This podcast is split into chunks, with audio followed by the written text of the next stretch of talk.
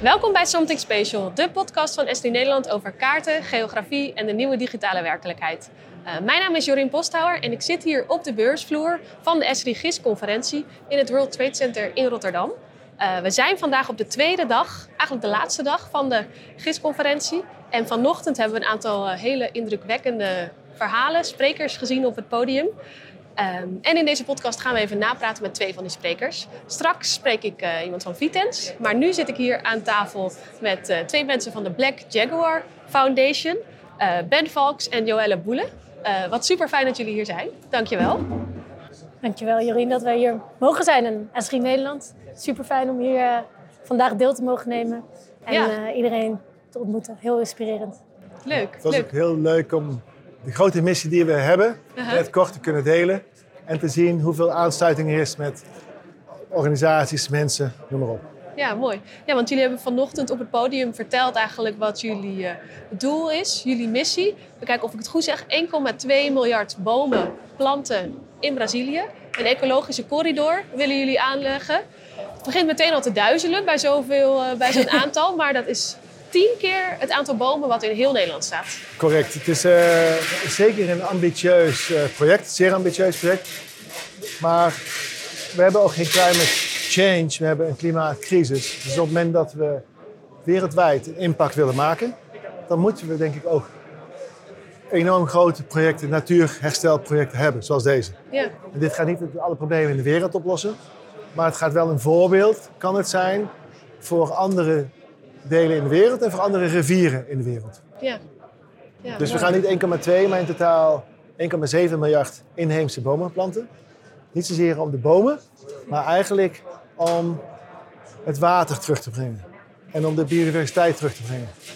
Want ja. zonder water hebben we en geen farming, geen, uh, geen producten van de agro-industrie, maar hebben we ook geen natuur.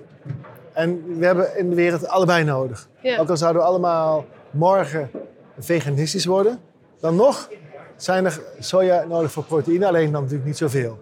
Dus we zetten eigenlijk een, een positieve missie van hoop ja. en actie om in de komende 15 jaar samen met bedrijven en organisaties zoals in Nederland, daar zijn we super blij mee, zoals Joël en ik mochten presenteren vandaag, dat we het verschil gaan maken. Ja, wat ik, uh, wat ik bijzonder vind aan jullie verhaal, als je die doelstelling zo vertelt, dat klinkt enorm ambitieus. En dan denk ik, ja, dan moet je wel echt een dromer zijn om zo'n plan te kunnen maken.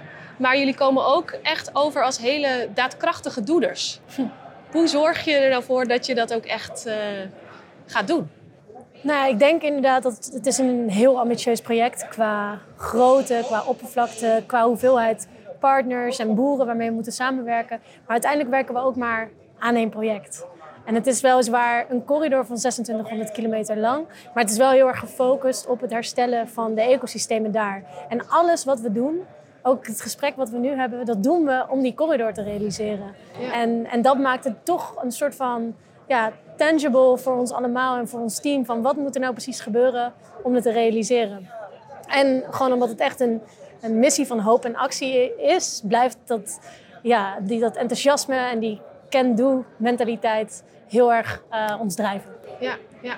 Het enige wat ik nog aan toe wil voegen, 100% is dat we natuurlijk niet in twee jaar die 1,7 miljard. Dus we hebben een heldere, ja, we, hebben, we zien het bijna als een uh, bedrijfsplan. Eerst hebben we allerlei pilotprojecten gedaan in het klein. Dit jaar gaan we de eerste 1 miljoen bomen planten en onderhouden. Volgend jaar, of het jaar erop, uh, maken we de 2 miljoen bomen. Ja. In 2026 10 miljoen bomen. En dat is onze leerschool.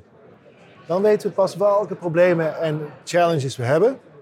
Om, in de, om daarna in het grote op te schalen. Ja, maar om een idee te geven, nu ja, zijn er toch al 135 mensen in dienst. Met al heel veel technische partners. We gaan nog 150 mensen extra aannemen in de komende twee maanden. Dus de social impact is ook al hartstikke leuk. Dus de bomen groeien. En, de mensen krijgen, en veel meer mensen krijgen nog een baan. Die voorheen eruit, ge, nou, ik zeg het even heel plat, gekegeld zijn. Door de grote boeren. Ja. Die geswitcht zijn van koeien, wat veel arbeidsintensiever is, naar agro, zoals soja of corn. Oh ja, ja, ja. Ja, dus eigenlijk het, het doel is heel ambitieus en heel groot, maar de focus is super duidelijk. Correct. Ja. Dus daardoor blijft het behapbaar en kan je eigenlijk alles ten dienste stellen van dat, Precies. eh, Ja. van dat doel. Ja. Iets wat me heel erg aansprak ook in jullie verhaal vanochtend, waar je het over had, dat raakt ook wel een beetje aan die positieve boodschap die je wil geven. Dat jullie de, de boeren niet zien, kijk ik heb het opgeschreven, niet als ontbossers, maar als helden. Mhm. Dus dat je dat, eh, Ja, dat je ook echt een soort positieve frame eigenlijk eraan mee wil geven. ja. Ja. Ik denk dat, eh, we krijgen dat ook vaak, vaak terug, dat de boeren worden heel vaak gezien als, nou ja, inderdaad de ontbossers, de, de, de, slechte, de slechte, de bad guys. En, en wij proberen hun eigenlijk gewoon door hun te ondersteunen eh, om in overeenstemming met de wet te zijn. Dus door financiële, wetmatige en eh, technische kennis te geven over die herbebossing, proberen we hun mee te nemen in die transitie die ze toch wel moeten gaan maken. Maar nu echt als frontrunners kunnen optreden. Ja. Ehm, en, en ja, daar halen we heel veel plezier uit. En, en, en de landeigenaren, de boeren zelf ook. En zij moeten het natuurlijk ook doen voor de toekomst van hun landbouwbedrijf. Dus dat is het. Het mes snijdt natuurlijk wat dat betreft aan twee kanten. Ja. Uh, maar heel veel boeren die, die hebben het niet als hun prioriteit. Of ze, ze, het ontbreekt hun aan kennis. Ik bedoel, je, zoals wel uitgelegd, je kan niet zomaar even een paar bomen planten. Het is een mix van soorten. Het is een mix van uh, allerlei verschillende manieren van samenwerken. En uh, ja, ik denk dat dat, dat, dat maakt het gewoon uh, heel leuk. Maar ik kan me voorstellen dat mensen die hier naar luisteren... of die vandaag ook op de conferentie zijn geweest... veel mensen zijn ook bezig met thema's zoals bijvoorbeeld uh, digitalisering... of digitale transformatie. Dat is natuurlijk iets heel anders dan bomen planten. Maar je hebt wel ook daar te maken met ambitieuze doelen. Misschien mensen die je mee moet nemen. Ik kan me voorstellen dat ze hier ook van kunnen leren. Zeker. Ja. En wij van hen. En wij van hen, want eigenlijk het stapje te maken dadelijk naar meer de, de gebruik van gis. Veel mensen in de wereld weten niet dat boeren, farmers in Brazilië, 20 of 35 procent van hun land moeten reserveren voor natuur. Wie weet dat? In het noorden van Brazilië moet je nog 80 procent reserveren voor natuur. Ja. Dat is ongelooflijk. Dus er zijn al enorme natuurbeschermers. Alleen ze voldoen niet helemaal aan die 25 of aan die 30 procent. En een stukje wat ze niet voldoen, helpen wij die boeren om helemaal te voldoen aan die wet. Alleen daarvoor hebben we supergoeie gedetailleerde kaarten nodig. Om die boeren uit te leggen, nou dit is volgens de wet correct, dit stukje nog niet. Mm -hmm. Het is heel complex. En zo zijn we ook eigenlijk bij ESRI terechtgekomen. Ja. ja, zullen jullie daar wat meer over kunnen vertellen, over de rol van de, de kaart? Ja, de kaart staat eigenlijk in ons werk centraal. Het is onmisbaar. Het, uh, we brengen de stukken land in kaart van de landeigenaar en gaan met die kaarten eigenlijk naar de landeigenaar, dus naar de boer toe. Om met hun uh, te bespreken welke stukken land hersteld moeten worden en hoe we dat eigenlijk gaan doen. En die kaarten die zijn daarbij eigenlijk de basis. Dus zonder, zonder de kaarten, zonder de software zijn wij eigenlijk nergens. Het is eigenlijk onze houvast. En nou ja, die kaarten die er zijn heel veel dingen die kunnen we natuurlijk in kaart brengen met de software. Maar die kaarten valideren we ook weer in het veld. En vervolgens komt daar een resultaat uit van locaties die we echt gaan herbebossen. En ja, de toekomst is natuurlijk dat we daarmee ook, dat we uiteindelijk ook gaan monitoren met die kaarten. Uh, in plaats van, dat doen we nu allemaal heel erg handmatig. Om dus te kijken of het ecosysteem ook echt terugkomt. Maar er zijn natuurlijk allemaal mogelijkheden binnen de software om dat te automatiseren. Samen met data verder aan te vullen. Um, dus zo uh, speelt het voor ons echt een centrale, een centrale rol. Ja. Ja, we, hebben ook, we werken bijvoorbeeld met zoveel farmers, maar we hebben met één hele grote farm, boer, boerenbedrijf. Dat is zeg maar extreem groot. Die hebben vier boerderijen. En iedere farm is ongeveer tussen de 45 en 60.000 hectare. Zij hebben hele afdelingen milieu. Hoe groot is dat? Heb je een mooie vergelijking? Ik denk dat 60.000 hectare zo groot is als heel Rotterdam. Ja, ja, dat is echt gigantisch. Uit mijn hoofd, maar ja, ja, ja. dat is een beetje een schatting. Maar, ja, ja. Gewoon heel groot. Ja, het is 50 kilometer bij 15 kilometer. 50 kilometer lang, 15 kilometer breed. Zo, dat is die farm. En nu blijkt dat wij hebben met ons eigen, ja, met de ESCI uh, GIS software, maken we de analyses om welke stukken land herbebost moeten worden. Met name de stukken rondom water. Dus Ja. waar waterbronnen zijn, want het water komt letterlijk uit de grond. Ja. Dus niet alleen maar rivieren en zijtakken. Dat hebben we zo, hebben we onze collega's zo goed kunnen doen, dat de afdeling milieu van die farm, hè, want zijn- het is een hele groot bedrijf, zo onder de indruk was. Want we hebben veel betere kaarten dan hun eigen kaarten. Van hun eigen farm. Ja. Het is ongelooflijk. Dus dat geeft ons extra vertrouwen. Ja, geeft ons vertrouwen, geeft enorm veel vertrouwen van ons naar de, naar de boerengemeenschap. Ja. Van wauw, die Black Jack Foundation, die beloven niet alleen heel veel dingen, Maar ze komen nog dingen nog beter na dan wat ze beloven. Ja. Nou, dat is denk ik iets waardoor we daarna weer met andere boeren partnerships kunnen maken. Want hoe, eh, is er iets specifiek waar ze dan van onder de indruk zijn? Of, eh, Ja, ze hebben eh, allerlei kadasterkaarten van hun eigen farm, van hun Ja. eigen... Maar vaak dat die hun eigen kaarten helemaal niet, niet in overeenstemming zijn met de werkelijkheid. En wij hebben alle gegevens van satellieten nemen. Dat gaat dan schijnbaar ook in de software van GIS. Ja, En ja. waardoor we veel nauwkeuriger zijn. We weten precies waar de waterbronnen zijn. We weten precies waar wegen zijn. We weten exact de landgrenzen van de farm. Veel beter vaak dan de boer zelf. ja. En voor ons is het, hè, zoals Jan net zei, het is een leerschool de komende vijf jaar. Om dadelijk in het heel groot op te schalen. Nou ja, dit is wel een eh, element van leren hoe we het in de toekomst verder eh, gaan aanpakken. Hebben jullie daar nog een bepaalde tactiek bij om zo te kunnen gaan opschalen? En we gaan nu eerst, eh, zijn we, nu zijn we de eerste 1 miljoen bomen aan het eh, planten. Dus dat is 600 hectare. Over verschillende boerderijen, verschillende polygons verspreid. Ehm, en dan zijn, daarna gaan we de tweede miljoen bomen planten. Vervolgens willen we de komende vijf jaar opschalen tot 10 miljoen. En dat zien we dus echt nog als een soort van de, ja, de try-out. Ja. Om dus daarna op te schalen naar de 1,7 miljard. En we, die eerste 1 miljoen bomen zijn natuurlijk het moeilijkst. Daar doe je alles voor het eerst. Eh, die schaal wordt steeds groter. Ehm, en bij de 2 miljoen wordt het eigenlijk toepassen wat we hebben geleerd bij de eerste miljoen. En het dan efficiënter en nog beter doen, zodat we echt kunnen gaan schalen. En ja, nu spreek je met, met, met Ben en met mij, maar eigenlijk is het natuurlijk ons lokale team daar in Brazilië, waar wij die gewoon het complete werk uitvoeren. En eh, die die, dat team is gewoon heel erg aan het groeien. En daar, de, de professionaliteit en de, de kennis die mensen daar hebben, dat is gewoon echt geweldig. En dat neemt gewoon toe en dat gaat de komende jaren ook gewoon toenemen. Ja. Eh, dat, daar hebben we alle vertrouwen in. Ja. Dus dat is, ja, wat mij betreft, denk ik, een belangrijke Ja, wat mooi. Dus eh, we komen al een beetje aan de einde van de, het einde van de tijd. Willen jullie nog iets, eh, iets meegeven, iets, eh, iets achterlaten, iets zeggen?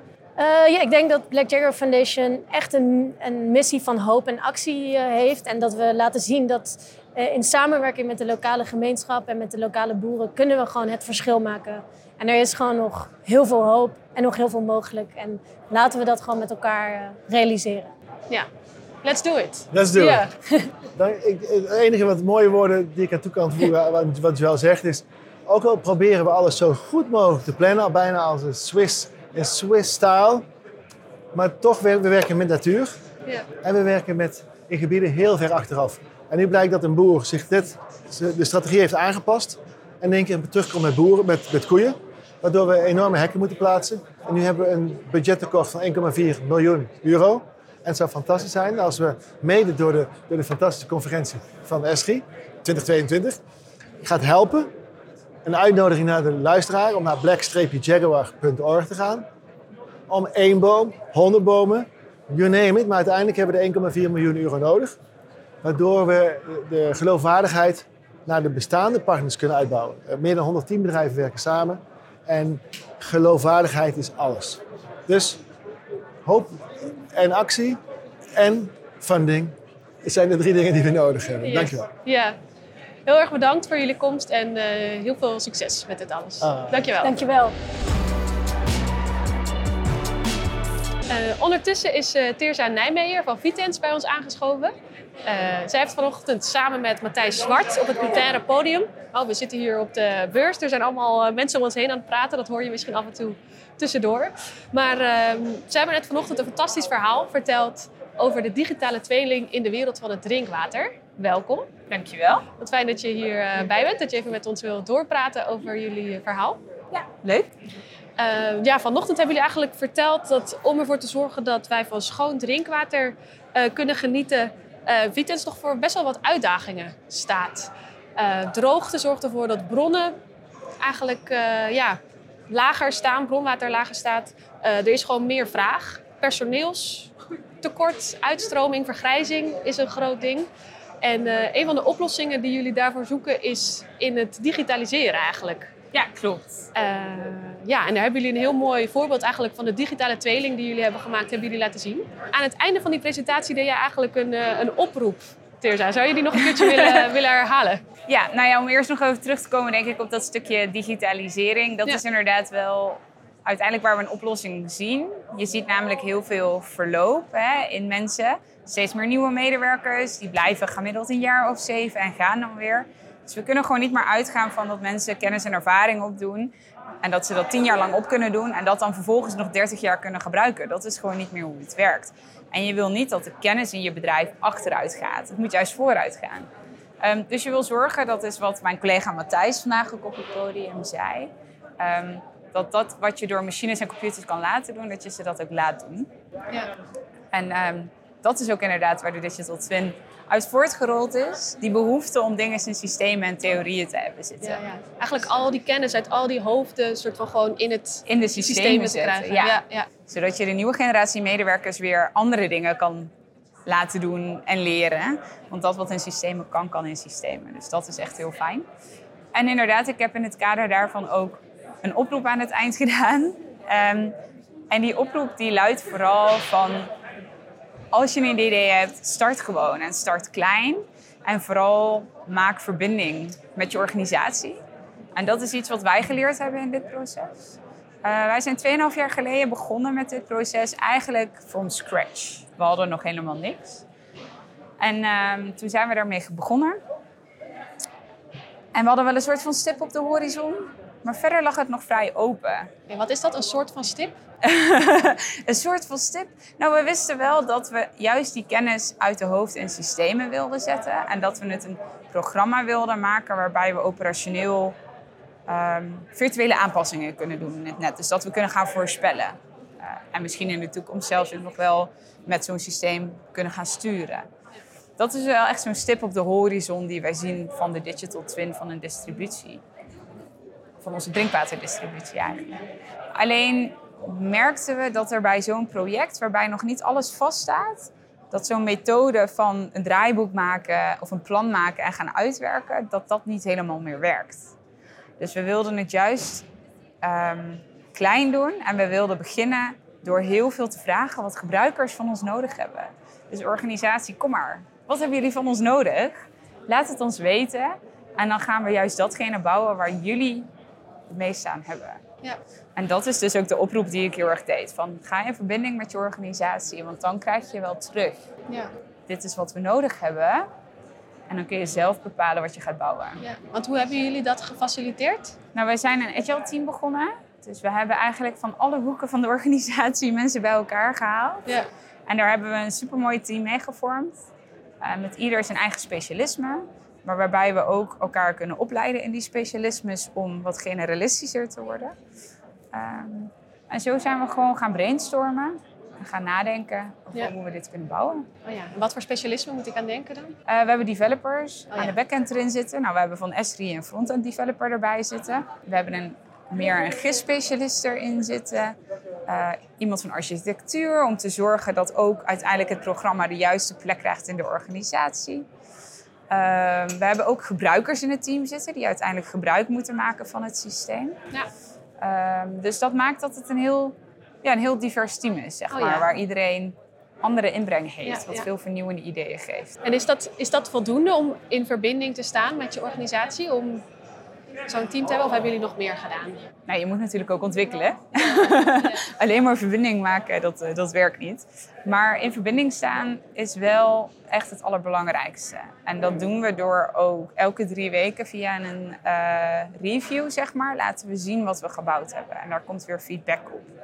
En wat je gewoon heel erg merkt, is dat gaandeweg wordt het product steeds groter, belangrijker. Ga je het in gebruik nemen, krijg je daar weer feedback op. En komt ook de hele organisatie, mensen uit de organisatie eigenlijk, komen met nieuwe ideeën. Van, oh, jullie hebben echt iets heel tofs gebouwd. Ik heb nog wel een idee wat we er ook nog in kunnen doen. Ja. En zo kom je bij steeds meer nieuwe ideeën. Ja, en dat ja. is een beetje wat ik bedoel met de verbinding. Dat je constant contact houdt met wat de gebruiker graag wilt. Ja, ja. ja, en dat kan je dan dus faciliteren door zo'n driewekelijkse sessie eigenlijk bijvoorbeeld, waar je dat kan ophalen. Ja, en constant ehm, ja, een soort van promoten ook. Laten zien dat je er nog bent. Oké, oh dat ja. is ook ja. wel heel belangrijk. Ja. Ja. ja. Dus ook veel delen. ja, heel veel delen. Ja, Heel veel praten. Nou is dat toevallig een specialiteit voor mij. Dus dat, ja, ja. En zijn er ook bepaalde dingen waar jullie tegenaan zijn gelopen eigenlijk bij het ontwikkelen hiervan, waarvan, waarvan je dacht van, oh, dat had ik eigenlijk wel eh, liever daarvoor willen weten? daarvoor willen weten? Nee, niet per se. Want van alles wat we vervolgens anders hebben gedaan. We zijn bijvoorbeeld van visualisatie geswitcht. We zijn een eigen app gaan bouwen met Esri in plaats van dat we van de standaard mogelijkheden gebruik hebben gemaakt. Alle, maar dat zijn allemaal dingen die ons wel heel erg geholpen hebben in dat hele proces van waar we nu staan. En ik denk als we die fouten niet gemaakt hadden, of ik wou het niet eens fouten noemen, maar als we dat niet gedaan hadden, Ja. dat we dan ook. ehm, ja, hoe moet ik het zeggen? Dat we dan ook niet hadden staan wat we nu hebben staan, zeg maar. Ja, ja. Dus nee. Maar. En dat is toevallig ook heel vaak vandaag teruggekomen op de beursvloer. De vraag rondom performance en opschalen. Die blijft wel heel actueel.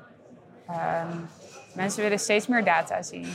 Steeds eh, groter. En ja, dat moet ook verwerkt worden en zichtbaar worden. En het liefst ook nog zo snel mogelijk. Dat zijn wel issues waar wij constant aan blijven werken. En waarvan ik eigenlijk van de hele beursvloer wel terug hoor. Dat dat issues zijn waar mensen tegenaan lopen. ja. Ja, Ja, maar gewoon, ja, je wil heel veel, maar om het wel ook gewoon technisch werkbaar te houden. ja. ja en daarom kiezen we ook steeds voor ja, het zogenoemde minimal viable product. Dus dat is constant de makkelijkste, snelste weg kiezen eigenlijk. Kijken of dat werkt en dan weer verder gaan bouwen. Um, want dan ben je echt wel het snelst van toegevoegde waarde ook. En stel, ehm, iemand hoort dit en die staat nog helemaal aan het begin, zoals jullie eigenlijk, wat is het, anderhalf jaar geleden? Tweeënhalf jaar Tweeënhalf geleden zijn we begonnen. ja, Ja, ja, helemaal from scratch wil beginnen. Wat is zo'n eerste stap die je kan zetten? Gewoon doen. Het klinkt zo makkelijk. Maar wat, Maar wat, doe je? je, Wat zoek doe je de juiste mensen. Dus wat, ja. wat, wat wil je gaan doen? Stel een doel vast voor jezelf. En zoek dan de juiste mensen in de organisatie. En ga samen brainstormen. En zorg dan dat je zo stapje voor stapje gaat starten. Dus ga niet een heel plan schrijven. Maar zet een team bij elkaar. En denk alleen maar daar willen we naartoe werken. Welke eerste stap zullen we zetten? En hoe komen we dan in verbinding met onze organisatie? Ik denk dat dat het vooral is. Mensen opzoeken die je bij kan gebruiken. En ehm, is GIS eigenlijk jouw achtergrond ook? Of? Nee, helemaal niet.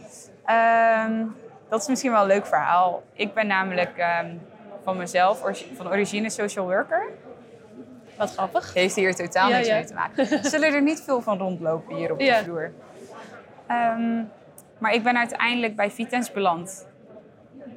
Ja, wie doet er eigenlijk nu nog waar hij ooit voor gestudeerd heeft? Dat zijn er niet veel meer. En zodoende ben ik uiteindelijk gevraagd om product owner te worden van dit eh, project. En daar heb ik heel veel van geleerd. Ehm, heb ik ook wel veel van de GIS-achtergrond geleerd. Maar als product owner mag je vooral van alles de basis leren. En dat maakt het ook echt heel leuk. En hoe vind je de, de, de wereld, zeg maar? De, de, de IT, de GIS-wereld?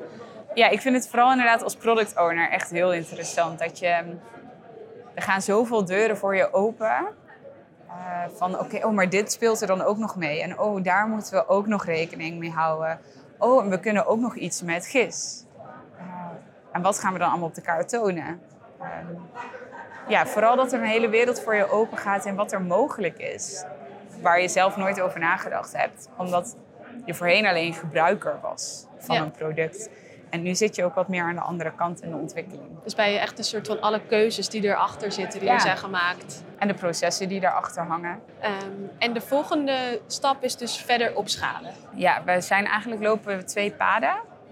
Eentje is echt gaan opschalen. We zitten nu ehm, in een gebied of vijf. We moeten naar 83 gebieden. Dat is echt nog wel Dus we moeten echt nog wel naar veel. En dat, maar voor elk gebied moet een model gebouwd worden. En ehm, we zijn gewoon heel veel processen daarin ook aan het trekken.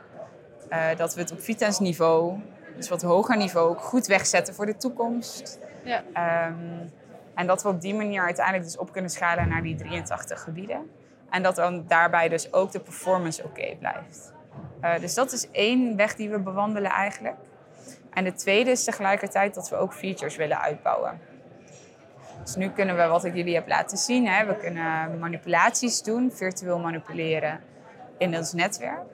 Maar er zijn nog zoveel meer opties om te doen. Dingen in kwaliteitstechnische issues. Ehm, Kan je, heb je wat voorbeelden van vragen die je krijgt? Of, eh, ja, eh, kunnen we bijvoorbeeld ook kwaliteit eh, modelleren. Dus ehm, nou, je hebt bijvoorbeeld een kwaliteit in een netwerk. En soms komt het wel eens voor dat je bruin water krijgt als een klant. Dat heeft dan een oorzaak in het pompstation. En dan kan het, kun je dat dus zo modelleren dat je weet wanneer waar bruin water te zien is. Eh, de vraag is, kunnen we dat modelleren zodat we de klanten beter kunnen informeren? Dat is bijvoorbeeld een vraag die we krijgen.